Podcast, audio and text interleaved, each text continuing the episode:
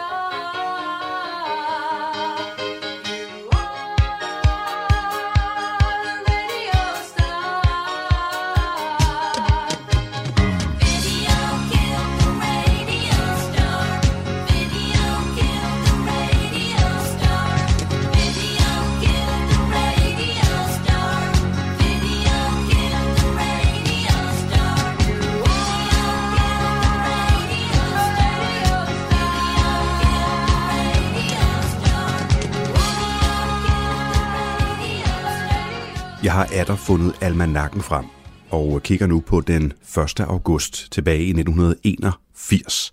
Her åbner i USA en 24-timers tv-kanal under de tre bogstaver MTV.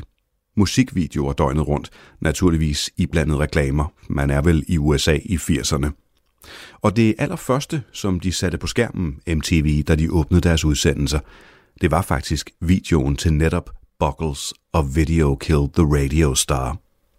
Siden øh, gik det rigtig godt for rigtig mange musikkanaler på tv, men så fældede det også ud igen, mens radio har levet nærmest upåvirket igennem alle årene og stadig lever i bedste velgående. Ligesom radiolignende tjenester online nu også har overhældet musik-tv-kanalerne igen. Der er noget med musikken, når man kan bevæge sig rundt og lave alt muligt andet, end at sidde bundet til en skærm. Tillykke MTV alligevel, det var altså 1. august 1981. Og vi bliver på datoen lidt endnu, men spoler tiden endnu længere tilbage. 1972. I Washington offentliggør journalisterne Woodward og Bernstein deres første artikel i Washington Post om det, der bliver til Watergate-skandalen. Og det ender med, at USA's præsident Richard Nixon er nødt til at gå af to år senere. To leave office before my term is completed is abhorrent to every instinct in my body. But as president, I must put the interests of America first. journalistisk arbejde Woodward og Bernstein fik lavet der, som sidenhen har gjort alle journalister over hele kloden stolte. Se også filmen Alle præsidentens mænd med Robert Redford og øh, Dustin Hoffman, der genfortæller deres arbejde med den her afsløring, der altså endte med, at præsidenten måtte trække sig. Nå, men det var altså også på den 1. august tilbage i 1972, at den første artikel i den serie, som til sidst væltede præsidenten, altså udkom. Og vi skal lige have en sidste ting fra den 1. august. Nu går vi helt tilbage til 1793. I Frankrig introducerer man som det første land i verden metersystemet for mål og vægt. Altså det her med 10, 100, 1000 og sådan noget, den der måde at gøre det op på. Et biprodukt af den franske revolution. Og det er det system, som de fleste nationer i verden kører med i dag, øh, med undtagelse af et par få stykker. For eksempel USA, som holder fast i deres gamle metode at gøre det op på, og i øvrigt også laver datorer på en helt anden måde. For tiden kører der et meme på internettet, hvor man kan se, at når øh, året i år slutter, så er datoen 1, 2, 3, 1, 2, 3, og så er folks hjerner ved at eksplodere. Ja, men kun i USA. For den er ikke 1, 2, 3, 1, 2, 3 i alle andre lande. Det er kun amerikanerne, der forstår det meme. Så hvis du er faldet over det, så har du altså forklaringen der. Du lytter til morgenrutinen på Radio 4. Her er Janis Joplin og nummeret Try. Godmorgen.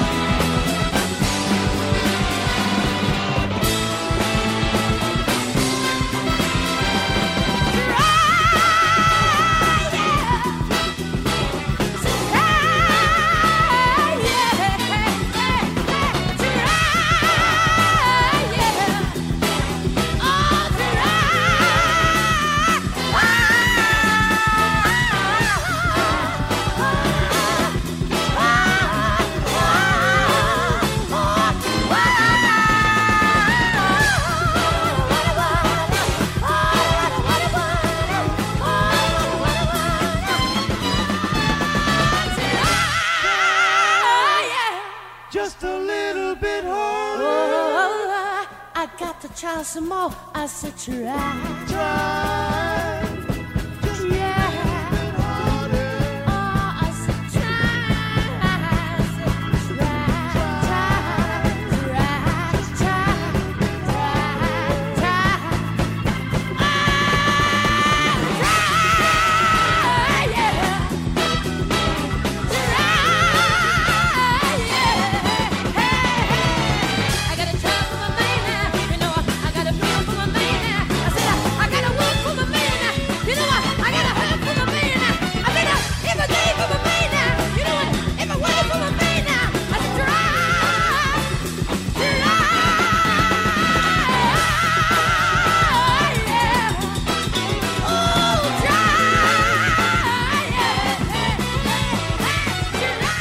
Janis Joplin og nummeret Try med undertitlen Just a Little Bit Harder.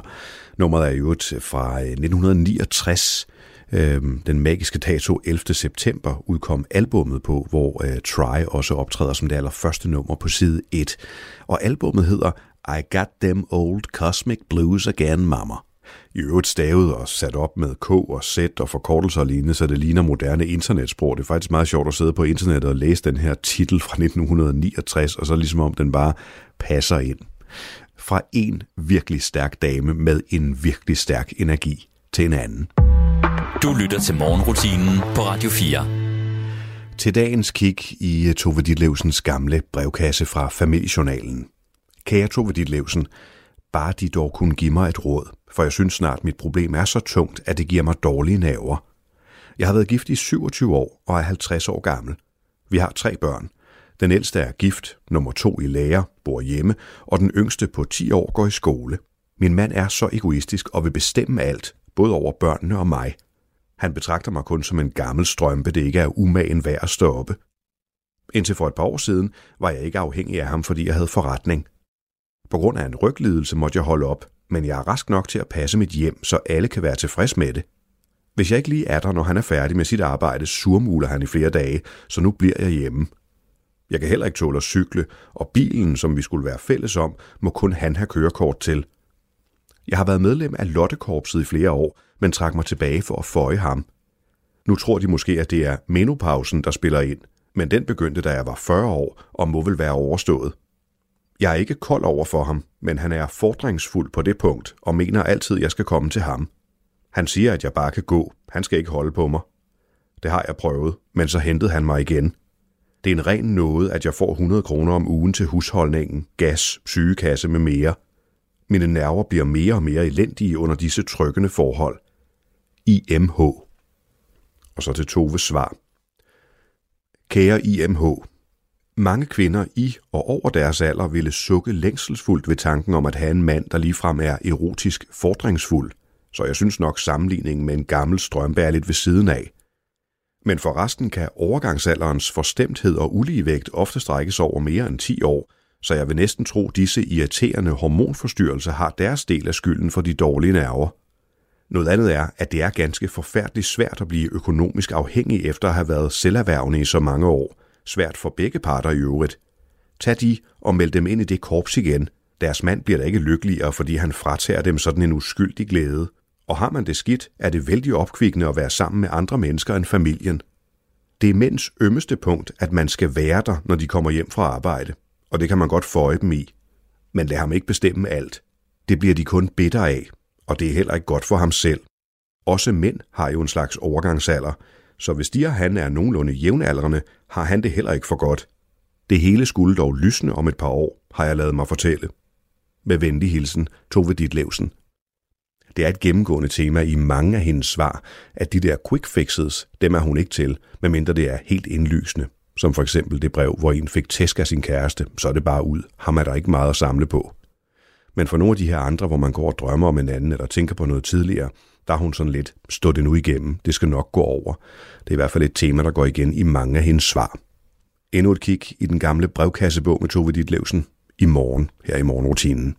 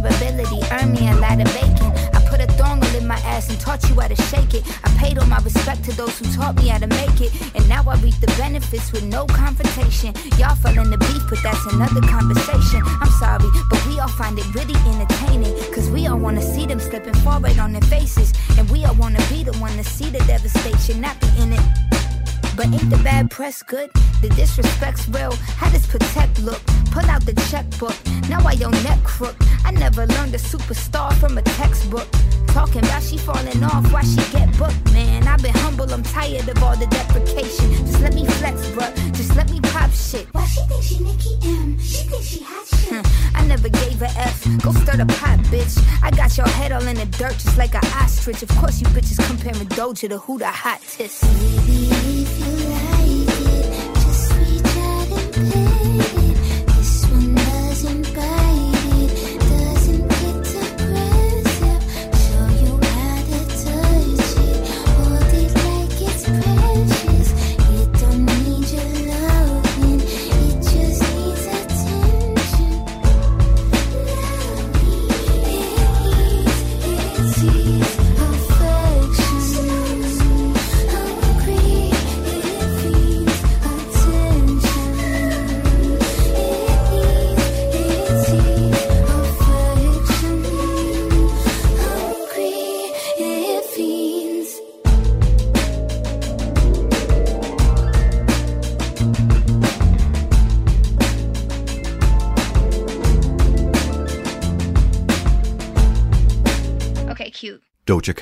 nummeret Attention.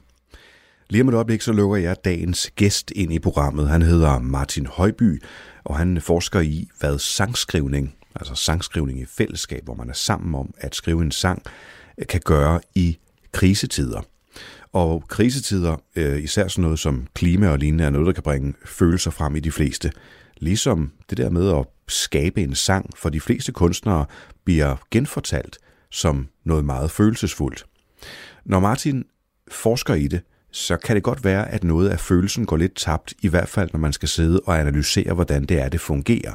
Så det vil jeg bare advare om på forhånd, at vi nørder altså ned i, hvordan det er, og hvordan man gør med de her to følelsesfulde områder. Martin bliver lukket indenfor lige om et øjeblik. Først Killing Me Softly. Her er Fugees. Strumming my pain with his fingers singing my life with his words, killing me softly with his song, killing me softly with his song, telling my whole life with his words, killing me softly with his song.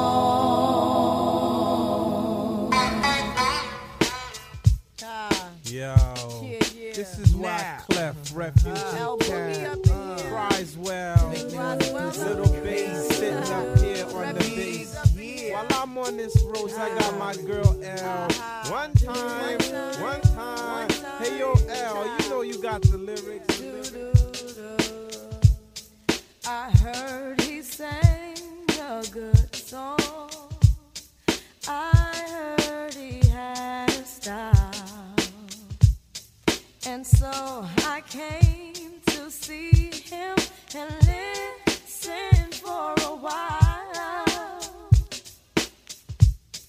And there he was, this young boy, stranger to my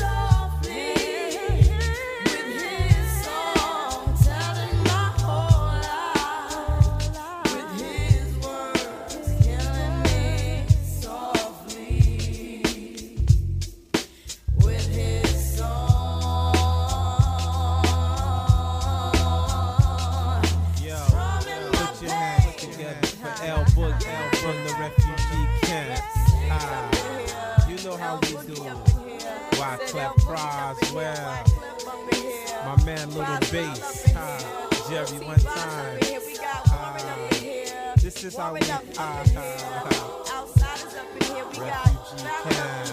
Refugee camp, refugee camp, yeah. Everybody got a breaking point, kid, and they'll rat on you. The family niggas will rat on you. That's why we gotta be prepared to take whoever out we need to.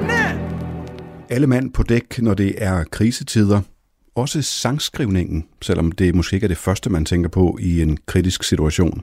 Det er det, vi skal tale om i øh, dag. Martin Højby er sangskriver og forsker og øh, dagens gæst i morgenrutinen. Godmorgen og velkommen til, Martin. Tusind tak. Du har forsket i det, der kort kan kaldes sangskrivningens potentiale i krisetider. Det er du simpelthen nødt til at forklare. Hvad er det? ja. Øhm, øh, Øh, ja, hønen eller ægget, kan man sige. Hvad kom først? Øh, sangskriven har vi haft med os i jo år, er en form for kommunikation, som er mellemmenneskelig og som går på tværs af kultur. Og så øh, så jeg et hul i metodeværket inden for den alternative etnografi, hvor jeg synes ikke, at, at det var blevet særlig godt undersøgt, hvad man øh, kunne bruge et øh, sangskrivningsmøde til, hvis man skulle komme ind på livet af, hvordan det for eksempel var at gå igennem øh, episoder i sit liv, som var influeret af, eller man havde været, øh, hvad hedder det, mødt øh, øh, den ene eller den anden form for modstand på grund af klima- eller biodiversitetskrise sådan bredt set. Og øh, så på grund af, at jeg har min praktiske erfaring som sangskriver, så kunne jeg som en form for reflekterende praktiker tage rejsen ind igennem akademiet og forsøge at udfolde præcis sangskrivningsmødet som et, et, et greb inden for, for etnografisk forskning. Og nu er det ikke for at jeg vil sige, dumme det ned, men altså den der med, øh, hvis man er i en kritisk situation, så kan det hjælpe at øh, udbrede sig i kunsten. Det er jo sandt fra, hvad ved jeg, Big Fat Snake og Bonsoir Madame til Give Peace a Chance med John Lennon, ikke?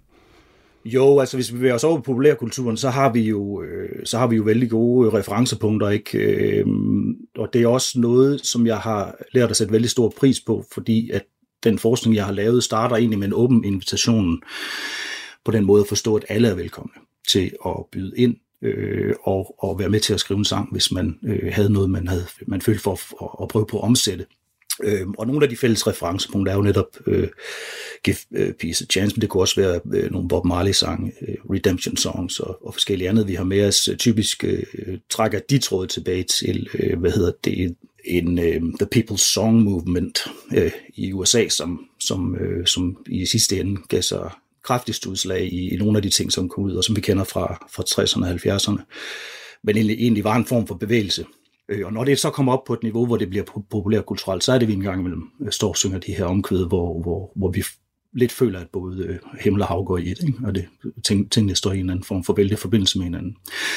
Og det er noget af det, som kunsten kan, ikke? At, den, at, den, at den tager os er til med på sådan en rejse, hvor vi bliver løftet ud over vores eget perspektiv. Prøv lige at fortælle os, hvordan man gør, altså når man forsker i det her. Mm. Hvad, altså helt konkret, hvad gør man? Øh, der skal jeg starte med at sige, at det, jeg laver, kan man øh, kalde noget, der ligger inden for kunstnerisk forskning. Altså, øh, man kan sådan groft sagt sige, at man stadig øh, opererer inden for nogle, nogle siloer, hvor man dog prøver, prøver at gå sådan tværdisciplinært øh, øh, og, og undersøge, hvad de andre laver, men der er sådan, hvor man kvantificerer ting meget, øh, som vi for eksempel gør over i naturvidenskaberne og den, den forskning, hvor man gerne skal måle og veje og nå frem til nogle, nogle resultater, som man også kan efterprøve. Øhm, og så har vi den kvalitative forskning, hvor vi jo nok øh, bedst kender etnografien fra antropologien, som, som sit øh, adelsmærke har, øh, hvad skal man sige, den etnografiske fremstilling, altså det skrevne materiale, øh, hvor man, hvor etnografen eller antropologen har været i felten og undersøge noget igennem, gerne gennem en længere periode, og tager hjem og skriver sin analyse frem i en form for skrift, og der har vi de her eller til øh, ret lange øh, long reads, øh, hvor man så bliver, kommer lidt ind under huden på, hvordan er det at leve i en anden kultur, for eksempel. Ikke? Og der er den kunstneriske forskning ligger over i den alternative etnografi, kan man sige. Der den kunstneriske forskning, jeg laver. Når du så spørger, hvordan gør man det, så kan man sige, at det, jeg har budt ind med i løbet af mit phd projekt man kan ikke nå alt i et phd projekt men det, jeg blandt andet har budt ind med, det er at øh, give et bud på et stykke metodeudvikling. Og det er konkret øh, sådan, at da jeg skulle i gang med øh, at lave den øh, empiriske forskning, altså der, hvor man tager ud i felten og indsamler øh, den information, man vil arbejde videre med i sit projekt, der måtte jeg tidligt i mit projekt tage en beslutning om, tager jeg afsted som forskeren, eller tager jeg afsted som artisten her? Øh, fordi jeg var ikke nået så langt med at, at beskrive, hvilke øh, metoder og teoretiske øh, grundlag jeg stod på i mit øh, PhD-projekt, fordi jeg var simpelthen nødt til at tage afsted på det tidspunkt. Og nu her taler vi tilbage i, øh, i 2018-19 stykker, hvor i 19 tager jeg afsted til Sydafrika, til Cape Town, hvor der er en øh, vandkrise, som har gjort, at den her millionby, det er 4 millioner mennesker, er ved at løbe tør for rent drikkevand. Og øh, kommunen har været ude at sige, nu er der tre måneder, og så løber vi så meget tør, at vi er nødt til at lave nogle punkter rundt omkring i byen, hvor man må tage hen og hente noget vand i nogle dunke, og så må man tage sit vand med hjem og sådan noget. Og det tegnede et billede af sådan et forestående Mad Max scenarie, så afsted med mig. Men i og med, at jeg, at jeg så var relativt øh, øh, tidligt i mit forløb som forsker der, så måtte jeg tage sted på en form for artistisk instinkt og sige, hvad kommer til at virke her, hvis det er kunstneren, som er med. Øhm, og der havde jeg så heldigvis min praktikererfaring, fordi jeg går ind til det her som reflekterende praktiker. Det er den baggrund, jeg har, og jeg synes også stadigvæk, at den baggrund, jeg har nu, er komme ud den anden side. Øh, det er, øh, det er jo nogle årtiers øh, erfaring med at sidde over for andre sangskrivere og forsøge at få et, et møde til at lykkes og, og blive til en sang. Og der vidste jeg fra de møder, at der var noget i samtalen mellem to mennesker eller flere, som skal til at skrive en sang, som er utrolig rigt. Det er samtaler, som kan køre på to, tre og fire timer, og hvor der bliver vendt øh, ufattelig mange perspektiver. Og jeg har tit undret mig over, hvorfor er det nu sådan? Og det, der er et eller andet med, at man har den ting, man skal sammen, at man skal nå frem til at, skrive, at samskrive et, en form for øh, udkrystallisering af, af samtale, af noget, som man har fundet værd at skrive om, øh, som præger selve samtalen. Det er måske rimelig oplagt, men, men jeg var nødt til at tænke lidt over, hvorfor er det nu sådan. Og jeg tror, det er det. Jeg tror, det er sangen, der ligger derude. Den potentielle forløsning ligger ude og trækker i samtalen gør, at samtalen er nødt til at komme ud af et, hvad skal man sige, small talk gear. Den er nødt til at komme ned og få fat i noget, noget grundfjeld. Den er nødt til at sige, hvad er der i virkeligheden på spil her, som gør, at vi to skal bruge de næste timer på at sidde sammen og, og så skabe den her tekst sammen.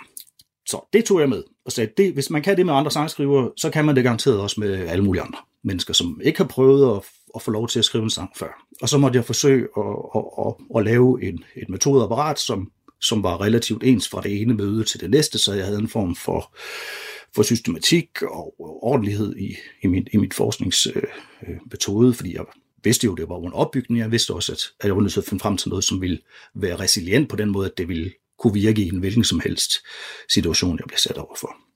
Men når man hører musikere øh, i andre sammenhæng fortælle om deres øh, arbejdsmetode, så virker det som om, der er en hel masse meget personligt, meget øh, forskelligt, øh, meget privat nogle gange i den måde, at de skaber på. Så jeg er nysgerrig på den der, når der kommer en semi-professionel, professionel musiker som dig selv og, og sætter dig over for andre, øh, om man så kan finde fælles grund på det, Altså når det ikke er andre øh, musikere i klassisk forstand. Forstår du spørgsmålet? Ja, det gør jeg. Ja.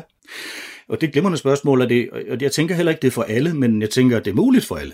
Altså øh, at gøre noget, der ligner det, jeg så har forsøgt at gøre her. Og det starter egentlig med sådan en form for afkobling af, af det, man plejer at gøre. Det starter også med en form for afkobling af sig selv, som værende øh, udelukkende sig selv. Øh, nu skal det skal jeg lige forklare. Men det med, at man, når man deler sin praksis og vælger at øh, sætte sig ned over for et andet menneske og, og, og mødes så ligeværdigt som muligt og sige, jeg har det her med, hvad har du med? Hvad kan vi nå frem til? Så opstår der noget tredje i rummet, som, som man ikke kan sidde og, og få til at opstå derhjemme, når man sidder inden for sin egen fire vægge, eller op, nødvendigvis heller ikke, hvis man arbejder med de mennesker, man plejer at arbejde med. Og det er egentlig det mod, jeg vil prøve at argumentere for, eller, eller prøve at vil jeg slå lidt til lyd for, at man kaster sig ud i, specielt hvis man har haft en, måske endda hvis man har haft en praksis i mange år, så synes jeg jo, man har noget med som praktiker, som, hvor det kan godt være, at det man har er tavs viden, fordi man har ikke været i situationer, hvor man har været nødt til at analysere på det og finde sprog for, hvad det er, der foregår derinde. Øh, men man har dog gjort det så mange gange, at hvis man kan finde ud af at skabe et rum, hvor man, hvor man selv er relativt tryg, og kan gøre andre trygge i, øh, så, så kan det da være interessant at finde ud af, jamen, hvad, hvad, hvad, hvad er det for en form for samskabelse, der kan hænde, hvis jeg, er, risikerer, altså, hvis jeg risikerer mig selv øh, og, og deler det, jeg har. Ikke? Så sådan open, trusting and sharing, det er sådan de tre ord, jeg, jeg plejer at, at, at gå i vælten med. Det er jo også, fordi jeg har en solid tro på, at, at det mellemmenneskelige møde er noget af det, er det mest, øh, det, er det ypperste, vi har. Muligheden for gensidig tillid til hinanden. Det er vores, øh, synes jeg, vores ypperste kapital øh, som menneskehed, og det, den skal vi passe på ikke at formøble, men, men man formøbler den bestemt ikke ved at prøve den af. Altså ved netop at tro på, kunne, kunne jeg gå ud i verden og egentlig bare blive mødt af et andet menneske, og så skabte vi et eller andet sammen? Ja, det kunne man godt. Nå, fantastisk. Hvad kan vi så ikke gøre? Martin Højby, nu holder vi lige en kort pause, og så siger vi, at det var metodeafsnittet. Og så lad os høre, hvordan det så gik i felten, og også komme lidt nærmere øh, nogle af de resultater, forskningen så gav. Det skal vi også nå i, øh, i løbet af det næste stykke tid. Vi taler med sangskriver og forsker Martin Højby om det, sangskrivningen kan i krisetider.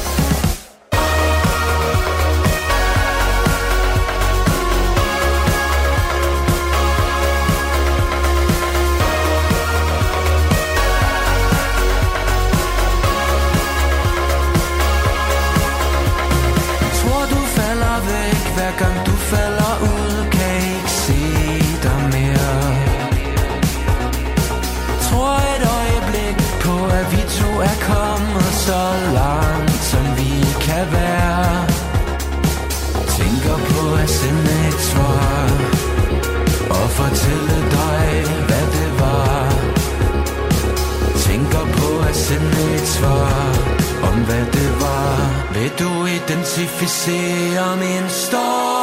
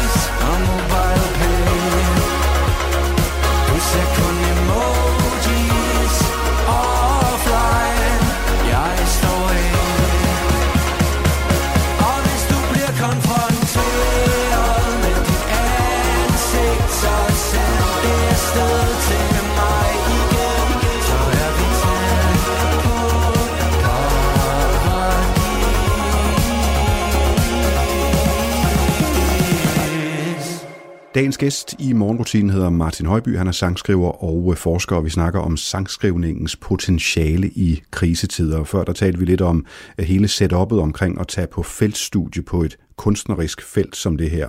Hvad skete der i felten, Martin Højby? Jamen, der skete mange øh, øh ting selvfølgelig i felten, fordi jeg netop havde øh, lavede den her åbne invitation, hvor alle var velkomne. Øh, det, det, det, det er ikke dermed sagt, at alle så bare øh, øh, kommer og styrtende og siger, lad os, lad os endelig skrive en sang, fordi der er også, man skal ud over en vis øh, tøven i, for mange mennesker, som ikke har øh, prøvet at lave musik før øh, på den måde. Øh, de, øh, de har en vis tøven øh, i forhold til at gå i gang med at producere musik, fordi de tror, at den slags ligger i hænderne på et ekspertvælde, og dem, som må, øh, fordi at de er blevet rigtig gode til det. Og den er man nødt til lige at kortslutte og sige, øh, prøv at høre, alle er velkommen her. Øh, alle kan skrive en sang, og nogle gange så skal man så gøre det sammen med en, som har prøvet det før, men alle kan, ikke? I, det her, I den her invitation, som nu er, er, er rådet ud på alle de her forskellige måder, så er der kommet mange forskellige møder ud af det. Og det er så for townships, øh, altså de her meget fattige bydele i, øh, i Cape Town, hvor jeg blandt andet har arbejdet med også de, øh, øh på de bonede gulve i Cape Town. Nu var det øh, jo øh, specifikt øh, øh, krisen, der havde med, med tørke og, og vandmangel at gøre i Cape Town, som jeg, som jeg tog ned og, og skrev sange på baggrund af. Og det vil jo sige, at, at det har både været øh, 15-årige øh, unge sorte mennesker fra, fra townships, det har været veletablerede, øh, velbjergede hvide mennesker, det har været farvede mennesker, det har været folk fra, fra Kongo, Zimbabwe, som var rejst til øh, Cape Town, som også er ganske almindeligt, at folk fra det sydlige Afrika rejser til Cape Town, fordi det er en metropol, og derfor tiltrækker folk. Men jeg var også nødt til at lave et cut-off point, øh, da corona ramte, fordi der var, som vi alle ved, blev det jo umuligt at gøre det, vi plejede at gøre, ergo kunne jeg ikke rejse længere. Og så måtte jeg kigge på, jamen altså konteksten for det her, det er jo klima- og biodiversitetskrise. Nu havde jeg et konkret øh, sted. Øh, nu sidder jeg så i Danmark og kan ikke røre, røre mig særlig meget af flækken, øh, men da øh, man kan argumentere for, at, øh, at coronakrisen, da den ramte, også er en afledt øh, effekt eller en, en afledning af, øh, af biodiversitetskrisen. Øh, så det vil sige, at, at pludselig øh, kunne jeg se, at mit projekt også øh, koblede både øh, oplevelse af at gå igennem øh, øh modgang øh, øh, i fattige kvarterer i, øh, i Sydafrika, men bestemt også øh, for, for ganske almindelige øh, middelklasse danskere. Øh, og det, blev, det synes jeg blev rigtig interessant. Men tilbage til, øh, til, til de der møder, fordi at øh, måske sprang du lidt let henover. Det du nåede at, at sidde over for andre, de her forskellige øh, typer, hvordan forløb det? Hvordan var deres reaktion på at sidde på den anden ende af sådan et, øh, et stykke forskning? Vidste de, at det, det var det, de var med i, eller var det mere en leg med sangskrivning, eller ja. tag, tag os med øh, om bålet, hvis det var der, I sad? Ja. Godt spørgsmål. Øhm, nej, alle har jo selvfølgelig vidst, øh, hvad de gik ind til.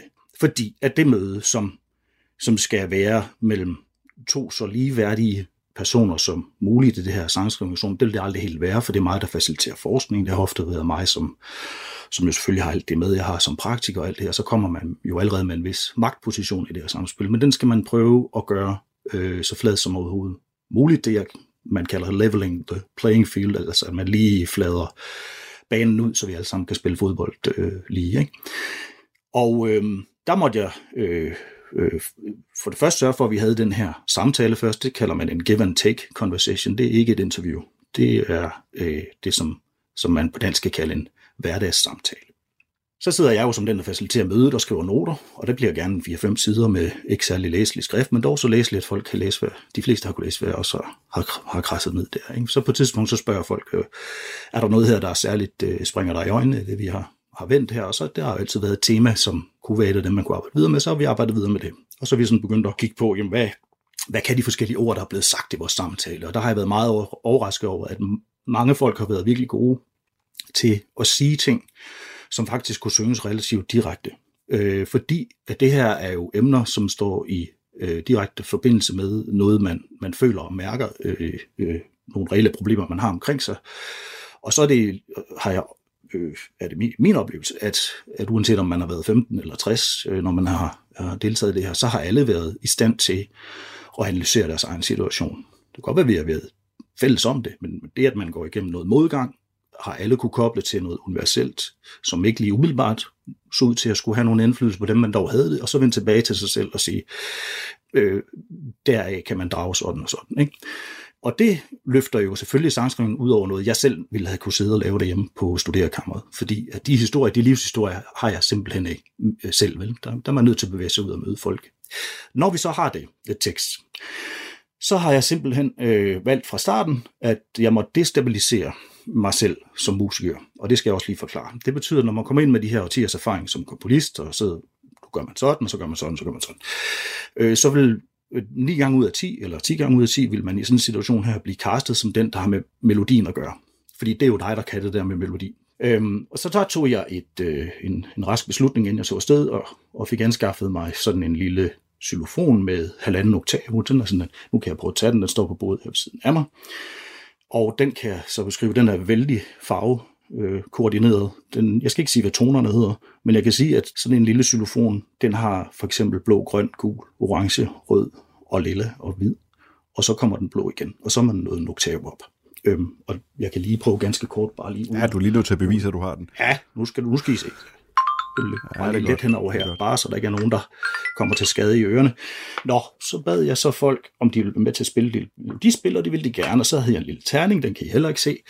Men en ganske almindelig terning, jeg tror endda, den er fra et ludospil. Og så har den selvfølgelig lige og ulige, og så har jeg sagt, kunne vi ikke lige prøve at tage et spil, hvor du enten vælger, at du vil have de lige eller de ulige, så kaster du den simpelthen bare lige hen over den der. Og så gjorde folk det, prøver jeg også lige at gøre. Sådan. Ja. Så røg den op og, og landede på en blå. Ikke? Og så kunne vi sige, men der havde vi da en blå. Om det er super. Lad os lige prøve det igen. Og hvad, havde det? hvad fik du så? Nå, ah, du fik en rød og en gang til. Hvad så? Og du fik den der. Nå, nå. lad os lige prøve. Øh. Nå, men det er da meget fint. Og så satte jeg folk til at spille lidt på de toner, ikke? så nåede de frem til noget rytmik. Sådan. Så kunne det være sådan noget der. Ikke? Så kan man sige, Nå, men det synes jeg da er fint. Lad os lige prøve at synge nogle af de ord med det her. Der, hvor, hvor man så som, som professionel musiker går ind, det er jo, at man går ind med et repertoire af tusindvis af gennemspilninger af alle mulige ting, og forsøg på at få noget tekst til at passe sammen med noget melodi. Og i den facilitering, der er det selvfølgelig vigtigt, at det er en, der har en vis erfaring. Fordi at mit mål med hvert enkelt har møde, møde har været, at uanset om det varede to timer, eller det varede seks timer, nogle af dem har varet lidt længere, så skulle det, det skulle simpelthen ende med, at vi havde en sang, vi kunne indspille på enten min telefon eller deres, hvis de havde en telefon, det var ikke alle, der havde det. Så indspillede vi, øh, hvad der var skrevet, og jeg sang det gerne, og de sang med, for det ligesom det hele ligesom kom frem i nuancerne og sådan noget. Og så indspillede jeg lige hurtigt en version også, som bare var guitar, der drev det, så man kunne få begge dele med hjem. Og det var sådan mit mål, at det skulle vi nå for hver øh, session. Så folk ligesom fik et, det, det med, der var bestillet stillet dem i udsigt, at de også fik ud af sådan et sangskrivningsmøde. Ikke sandt? Nu fik du øh, beskrevet lejen meget godt, øh, da, da xylofonen kom på banen, men du startede lidt med at udfylde en blanket, og øh, jeg tager lige notater, og der er et stykke fra den proces, du beskriver der, til det, man hører, når, hvad ved jeg, Andreas Odbjerg fortæller, at han vågnede midt om natten med to riff og en strofe i baghovedet var nødt til at skrive den ned. Altså, måske en lidt mere klinisk proces, du har kørt med. Så læner det så op af klassisk sangskrivning, eller er det en helt anden ting? Øhm, ja, altså, jeg ved ikke, om man kan kalde det, øh, det kan man jo, for det, for, altså, klinisk proces, så i og med, at der er en metode, der er lagt for, det kan man sige, det har jo pædagogisk formål, ikke? Mm. Og så har det jo også det formål netop at destabilisere den, som er facilitatoren, eller kunstneren, eller, eller forskeren i det her øh, øjeblik. Øhm, mm. og, og det har noget at gøre med at prøve at afmontere nogle magtpositioner. Øhm, det kan man sige er egentlig som sådan vigtigere end den færdige sang. Mm. Og det godt, nu siger jeg, at vi har, det var vigtigt for mig, at vi havde den færdige sang i den sidste ende, men, men, øh, men jo kun, hvis øh, dem, jeg skrev sammen med, havde oplevet, at det her var en rejse sammen frem mod den færdige sang. Og så kan man sige, heldigvis er det sådan, at det så også lykkedes, at produkterne blev til sangen. Øh, hvis Oddbjerg vågner om natten og har et par strofer, han skal skrive ned og sådan noget, så, følt, så er det jo fordi, han har en, der er noget, der arbejder i ham underbevidst, mens han egentlig skulle prøve at få sig øh, lidt ordentlig søvn. Ikke? Og sådan er det jo, vores hjerne, den, den, øh, den arbejder videre, mens vi sover. Øhm, og, øh, og den gode Rødbjerg, øh, kunne jeg forestille mig, bruger mange dage, øh, hvis ikke alle dage om ugen, med enten at lytte eller lave, eller gøre et eller andet, som har en eller anden form for musikalsk islet. Hvor pludselig så dukker der noget op, som man kan sige, men det her, det, det her er jo noget, jeg ikke, det har jeg egentlig ikke lige hørt for mig før. Og det, det øh, tror jeg er relativt kendt. Altså, jeg mener også, der er en historie om, øh, hvad hedder det, Keith Richards, der, der er vågnet og har skrevet øh, stort set en hel Rolling Stones øh, sang, ikke? Øh, og så og så jo sandsynligvis faldt tilbage i søvn, ikke? Men, men øh, øh, så, så jeg tror, det der er ganske, det, det er simpelthen sådan, det er. Øh, øh, hvis vi nu igen vender tilbage til begrebet den reflekterende praktiker, som jeg har brugt et par gange, det er en forsker, der hedder Donald Schön, som har introduceret det i sin tid i 1983. Hans hovedtese i sin tid, sjøen er, at den reflekterende praktiker er en form for forsker. Der foregår en forskning for dem, som har en form for praksis, så det er ikke kun kunstnere, vi taler om her. Det, det, er, det kan være psykologer, det kan være byplanlæggere, det kan være så mange andre. Men det, som er for praktikere, det er, at de har et repertoire, kalder han det, af, af løsningsmuligheder, som ligger i kroppen. Øh, Det repertoire har jeg også, jeg har lavet en, en hypotese om, at alle har et sådan repertoire, fordi at vi har lyttet til 50 års populærmusik øh, i radio og andre steder. Radio har været kæmpestort i, øh, i Sydafrika blandt andet. Og der blev jeg faktisk overrasket over, hvor, at jeg kunne læne mig tilbage i den hypotese på et tidspunkt. Fordi først var jeg faktisk relativt sådan, øh, jeg tænkte, åh oh, nej, er det en form for, for, for rekolonialisering af, af, mennesker, hvis jeg tager ud og skriver sange med dem, og så falder vi ind i nogle former, vi allerede kender fra noget populærmusik og sådan noget. Men så den tænkte jeg lidt over, og så vendte jeg om og sagde, men er det ikke en kapital? Altså er det her ikke fantastisk, at vi faktisk har nogle former, som både er formbare, man kan læne sig op af dem, man kan gøre dit og dat, men de cykler altså åbenbart rundt som tilgængelige former på tværs af kulturer over hele verden, og vi kan bare lige gribe ud og snuppe dem, fordi vi inde i os har, allerede har et repertoire. Og så kan vi prøve at få det repertoire til at mødes i vores samskabelse og sige, hvor, er den, hvor synes du den er, og hvor synes du den er, og er det her, er det sådan lidt det her, eller er det noget andet? Øh, men der har vi jo så da allerede noget til fælles, ikke? Vi skal se, om vi kan komme til en eller anden form for konklusion på forskningen, øh, selvom det måske er et øh, stort ord. Det gør vi lige om et øjeblik. Vi taler med Martin Højby, der er sangskriver og forsker, og vi taler om sangskrivningens potentiale i en krisetid. Du lytter til morgenrutinen på Radio 4. Inden vi fortsætter samtalen med Martin, så har vi dog et par andre ting, der skal overstås, og det menes ikke negativt. Der er nyheder om lidt morgens første her på Radio 4, og allerførst Casey og Blå Himmel. Blå himmel,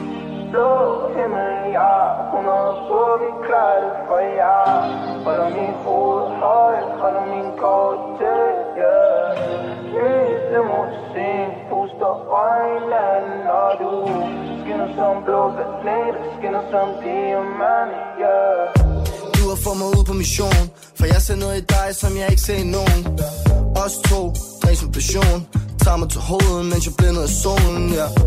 Kører ud af indre by Frisk klippet tøjet, helt splinter nyt ja. Sikkert syn, vi som et lyn Vind i året, når vi kører ud mod Bellevue Den her drink smager lidt af en til kunne være rart, hvis du blev lidt. Skal ikke noget senere blive her til netop det senere Har dig ved min side, vi kunne dele det her for evigt. Tre retters menuer, ind og ud af byer. Glasset fyldt med enzymer, længe siden jeg har set dyner. Jeg ser så mange ting, at jeg føler, jeg er så syner. Lov at holde mig ned, hvis jeg nu flyver. Blå himmel, ja. 100 bukke, vi klarer det for jer. Holder mit hoved højt, holder min gård til, yeah. Ny limousin, puster øjnene, når du Skinner som blå planeter skinner som diamant, yeah Blå himmel, ja 100 på, vi klarer det for jer. Holder mit hoved højt, holder min kort tæt, yeah. Ny limousin, puster øjnene, når du Skinner som blå planeter, skinner som diamant, yeah.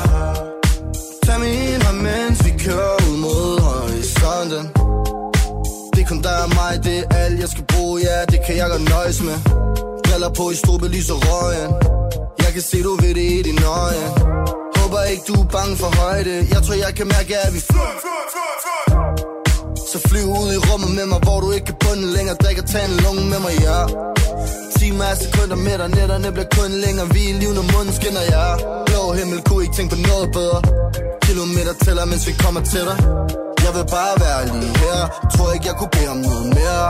Nej. Når jeg farer vild, så du vej. Ja, det er ikke noget problem, du med mig? To sekunder senere falder du i mine arme Og jeg, ja Holder min hoved højt, holder min kort til, yeah Blå himmel, ja 100 på, vi klarer det for jer. Holder mit hoved højt, holder min kort til, yeah.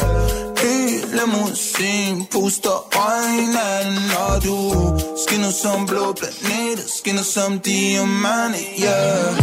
Blå himmel, ja 100 på, vi klarer det for jer.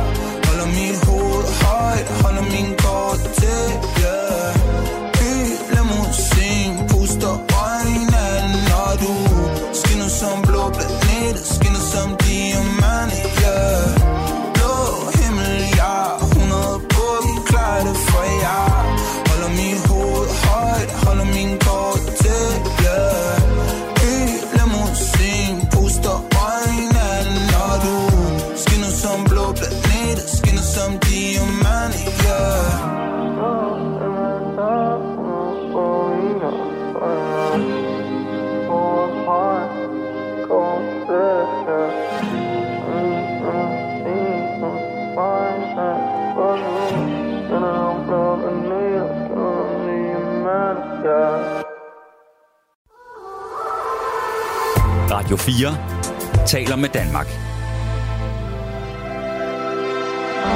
Velkommen til morgenrutinen. I dag med Morten Rønnelund. Tirsdag den 1. august. Godmorgen og velkommen til programmet. Der er nyheder næste gang her på Radio 4, når klokken er 6.30, og så får du Radio 4 morgen umiddelbart derefter.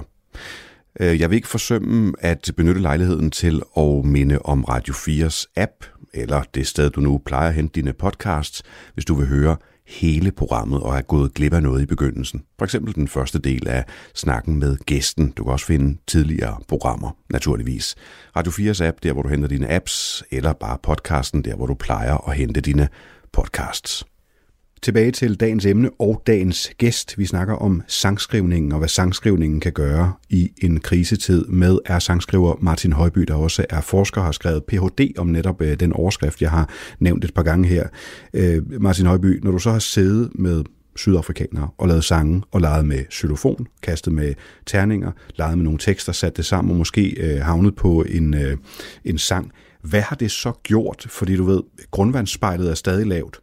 Mm. Hvor, er, hvor er koblingen til krisen? Ja, og man kan vente om at sige, hvor er koblingen ikke til krisen? Mm. Øhm, fordi at øh, jeg mener, at klima- og biodiversitetskriserne er menneskeskabte. Og derfor så skal løsningerne også være menneskeskabte. Og lige nu, i de her år, er der en vældig øh, en, en bred fortælling om, at vi, i særligt i vores del af verden, og, og i dele af verden, som ligner den, venter på en form for teknologisk fix, øh, hvor den måde, vi lever på, kan blive så tilpas bæredygtig, at vi slipper af med vores CO2-udledninger og andre udledninger. Og øh, jeg håber der virkelig også, der kommer sådan en teknologisk fix. Jeg tror, at det øh, vil klæde os ikke at regne med, at det kommer. Vi skal kigge indad, og vi skal kigge udad på samme tid. Altså forstå, at menneskeheden er også en geologisk kraft. Øh, og det er det, øh, som geologerne netop nu i de her år, de her årtier sidder og kigger på. Skal vi forlade den gamle geologiske betegnelse, man kaldte den holocene tid? Og så simpelthen kalde øh, den her tidsalder, vi, øh, vi øh, har sat i gang for den antropocene tid, altså den tid, som er opkaldt efter menneske, efter antropos, fordi at vores indflydelse på planeten har så store geologiske aftryk. Det er alle jordens systemer.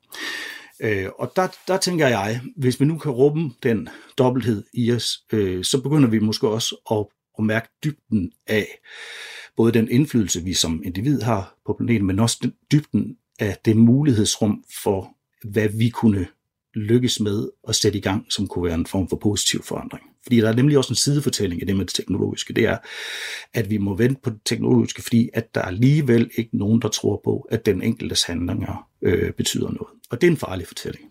Øh, og så kan det godt være, at man skal løse mange ting geopolitisk, at man skal øh, op på nogle større klinger, og ting skal ordnes i EU, og de skal ordnes andre steder, og, og, og den slags. Men det betyder bestemt ikke, at man ikke som individ kan flytte noget.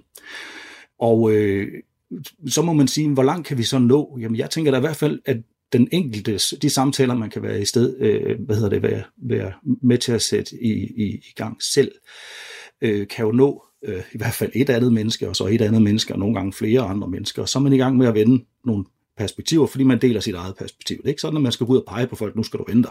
Man skal bare dele sit eget perspektiv. Så er man på individplan. Det har jeg stor tiltro til, at individer er fuldt ud kapable til at tage et nyt perspektiv ind, og så kan de kigge på det og sige, okay, nu tager det ind, og så går jeg lige med det et stykke tid. Og på den måde, så, så forandrer man hinanden lige så stille og roligt. Øh, og det, det er i virkeligheden en, en slags øh, forandringskommunikation, som jeg mener, at man skal tage øh, virkelig alvorligt, fordi at de ledere, vi så kan påvirke øh, ude omkring i verden og i vores egen verden, lille, vores egen nære lille nation her, øh, de er jo demokratisk valgte. Og derfor så bliver de her samtaler på individniveau i den sidste ende virkelig vigtige, og vi må ikke glemme dem. Så jeg, jeg, jeg er lidt ked af den fortælling med, at individets handlinger ikke, ikke duer. Og det handler altså ikke om øh, noget lige om, at at man hele tiden skal tænke på, hvor mange plastikposer man, man bruger, så det skal man bestemt også, men man skal også tænke på, at vi har som mennesker en tale øh, mulighed, vi har en samtale mulighed, og der i ligger også en, en form for, for magt, på den måde at forstå, at den er noget andet end afmagt.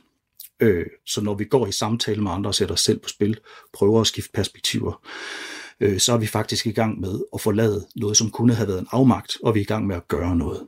Men hvis jeg har siddet i sådan en sangskrivningssekvens, nu vil jeg gerne bruge sangskrivningen i den krisesituation, jeg nu er i.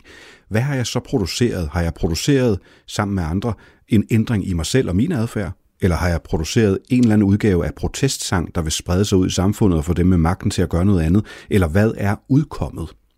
Altså det kan bestemt begge dele. Altså øh, de møder, jeg har været øh, med til at sætte i gang, har ikke haft en, en, en bestemt definition af noget, det skulle på forhånd. Mm. Så derfor har vi, vi har vi gået med det, som opstod i, øh, i sangskrivningsmødet, hvilket tit har selvfølgelig startet med den, den personlige rejse, som folk var på, og så har det grebet ud omkring universelt og kom tilbage til folks øh, personlige rejse igen. Men der er i den personlige rejse noget universelt. Og derfor så ligger der jo, øh, så, altså øh, potentielt i sangskrivningen ligger der altid en form for noget springfarligt materiale en lille smule. Øh, det er jo også noget af det, som først bliver lukket ned i diktaturstater og andre steder. Når man, når man lukker free speech ned, så sørger man jo også for at lukke kunstnerne ned, ikke? som kan kommunikere på den her måde. Ikke?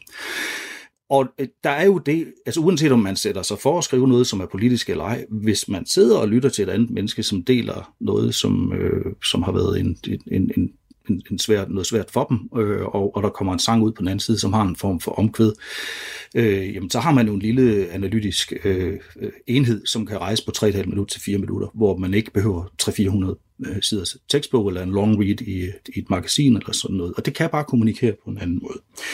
Men så gør det jo noget selvfølgelig for den enkelte. Der er noget, altid noget katarsis i at få øh, delt sin historie. Og hvis man så sidder og, og, og har skabt et rum, som er, som er, hvor der er den her øh, gensidige tillid, jamen så kommer man måske også ind omkring nogle ting, som, som virkelig øh, rører folk.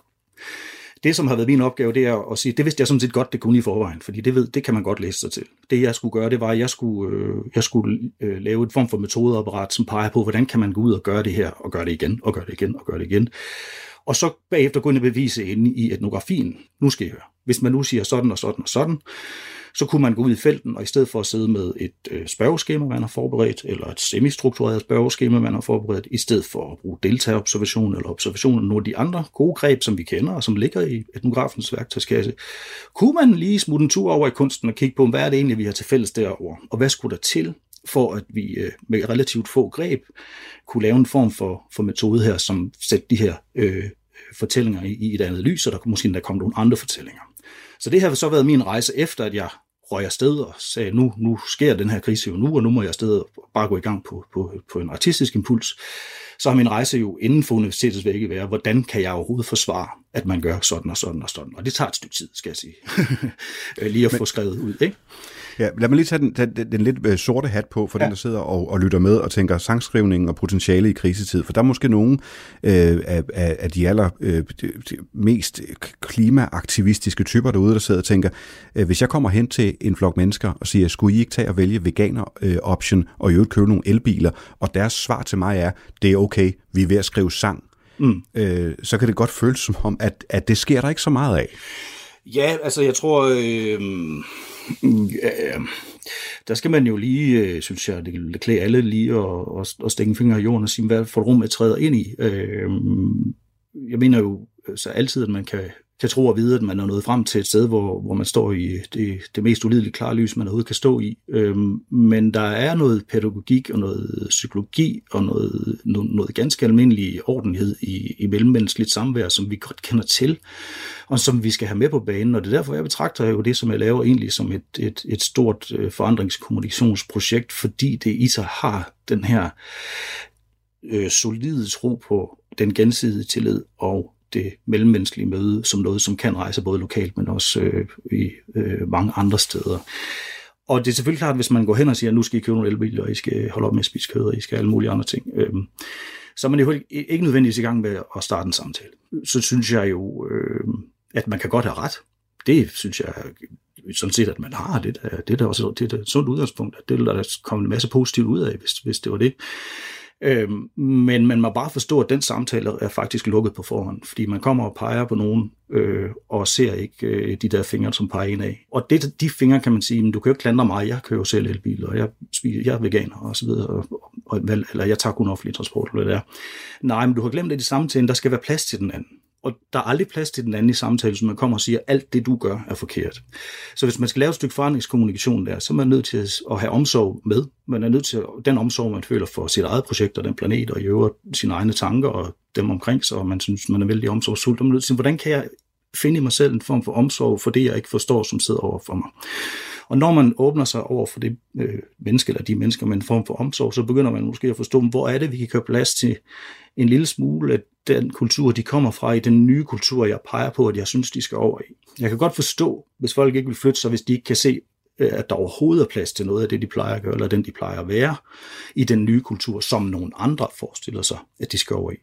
Men kunne man igennem dialog, igennem samtale, sige, prøv her, herover er der jo faktisk plads. Man behøver måske ikke engang selv at sige det, men i og med at samtalen er i gang, så opdager folk, oh, jamen, der er jo egentlig plads til mig lidt derovre, så kan jeg da godt købe det der med, at jeg skal sådan og sådan. Altså hvis der nu er plads, så kunne vi måske finde ud af at være der sammen i den nye kultur.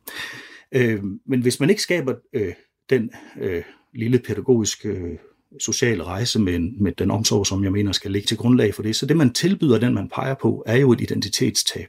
Du, du tilbyder jo, du skal opgive din gamle identitet, og du skal have over en ny identitet. For det første, så ved de fleste ikke, hvordan skal jeg komme derover.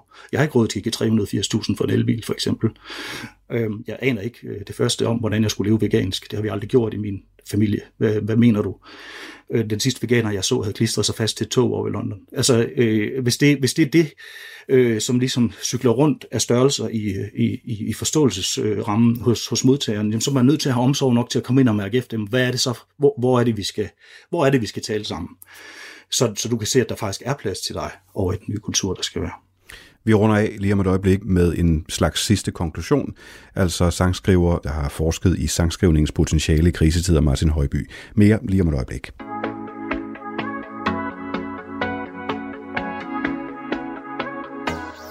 Speeder gennem modvind Blandet af en god ting. Prøver at nå hen til et bedre sted. Mister min fornemmelse, Timeglasset vælter. Tiden er ikke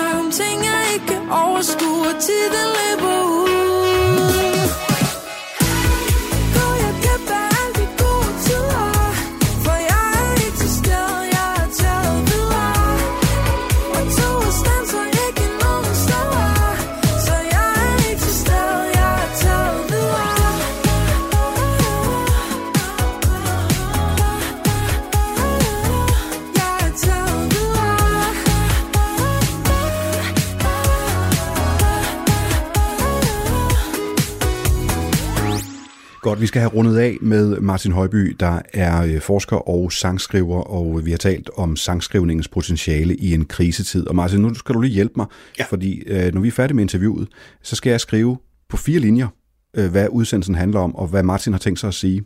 Så nu skal vi lige have gjort det. Sangskrivningens potentiale i en krisetid meget kort. Hvad er konklusionen? Hvad kan sangskrivningen i øh, en krisetid? Og du har kun fire linjer. Sangskrivningen kan øh, pege på måder øh, for os, hvor vi kan se perspektiver, vi ikke har kendt før i vores eget refleksionsrum. Og øh, når vi ser nye perspektiver, så kan vi overveje øh, nye måder at blive til på som mennesker. Din, øh, måske ligger det i nogle af de svar, du har givet undervejs, men, øh, men din forsknings sådan, øh, nyopdagelse, hvis der er nogen, hvad er det? Altså, nyopdagelsen er, hvis man kan kalde det det, der øh, kan man måske godt være lidt skeptisk over for selve begrebet nyopdagelse, som handler, øh, altså ligger lidt over i, i, i tråd med forskningsgennembrud og den her slags øh, retorik. Ja.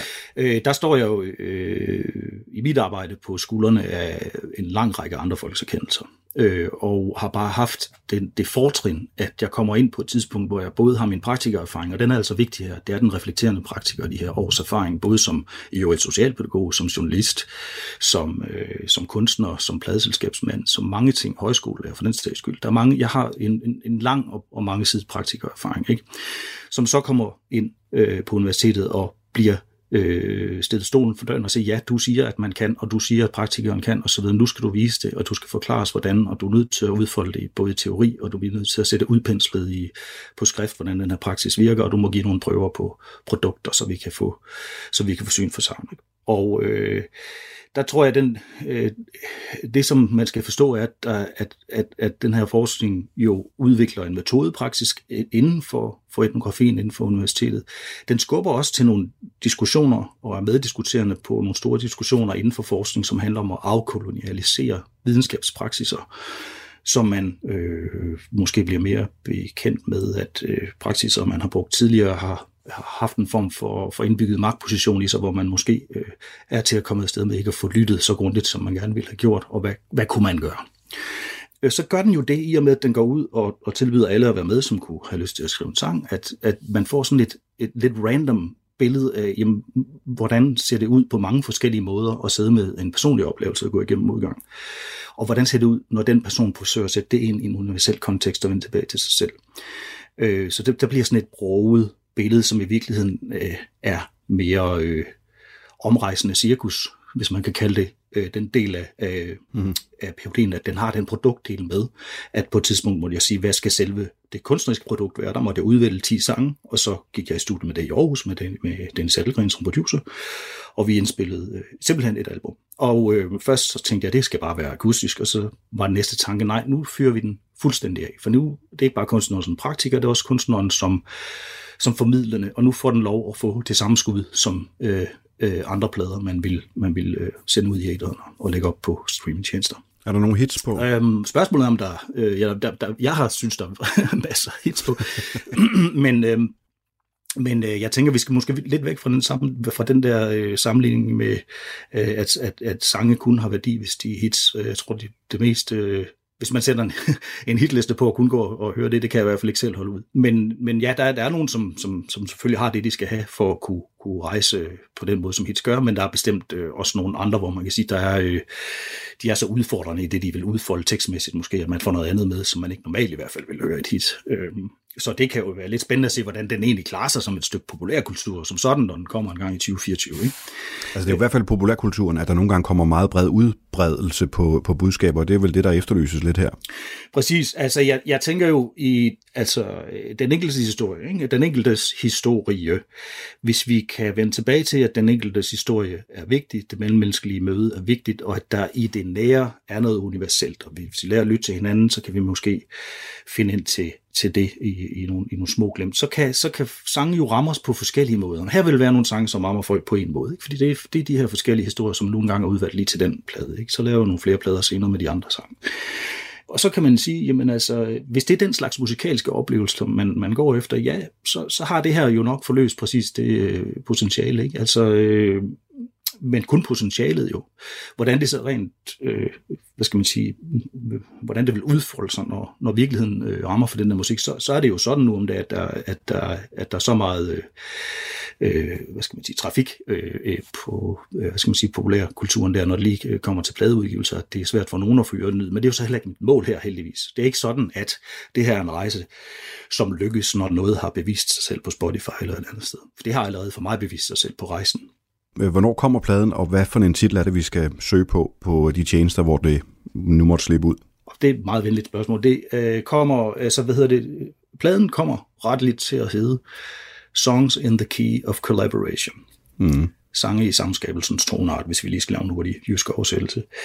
Og, øh, og den øh, har en udgivelsesdato omkring den 1. marts 2024, og inden da vil der komme nogle singler, som har nogle videoer med, sådan helt traditionelt.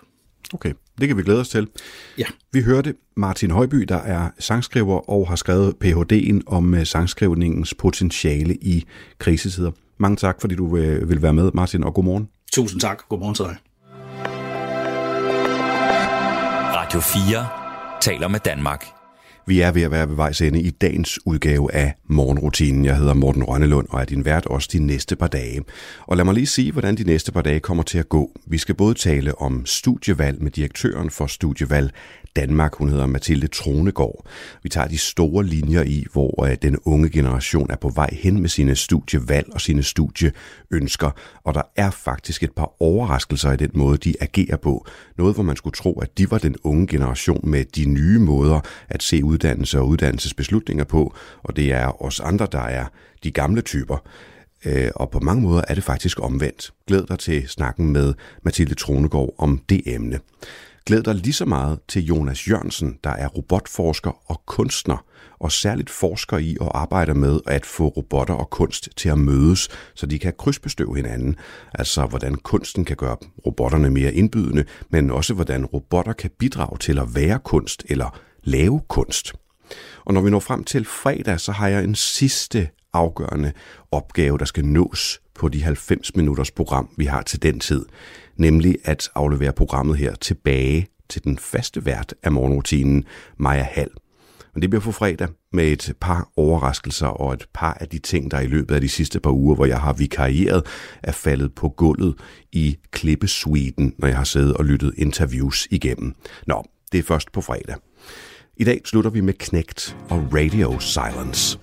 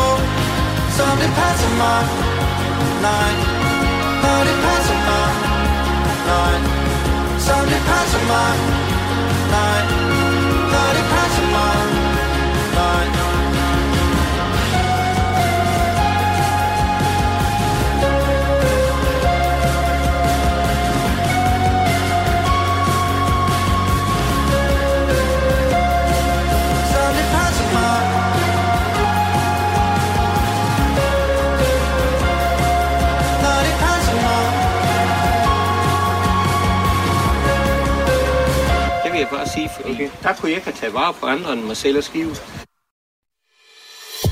Du har lyttet til en podcast fra Radio 4. Find flere episoder i vores app, eller der, hvor du lytter til podcast.